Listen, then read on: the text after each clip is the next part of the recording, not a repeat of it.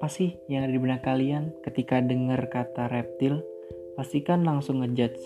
Reptil itu berbahaya, reptil itu menggigit, reptil itu berbisa mungkin. Nah, sebenarnya nggak kayak yang kalian pikirkan. Nggak semua reptil itu berbisa, nggak semua reptil itu berbahaya.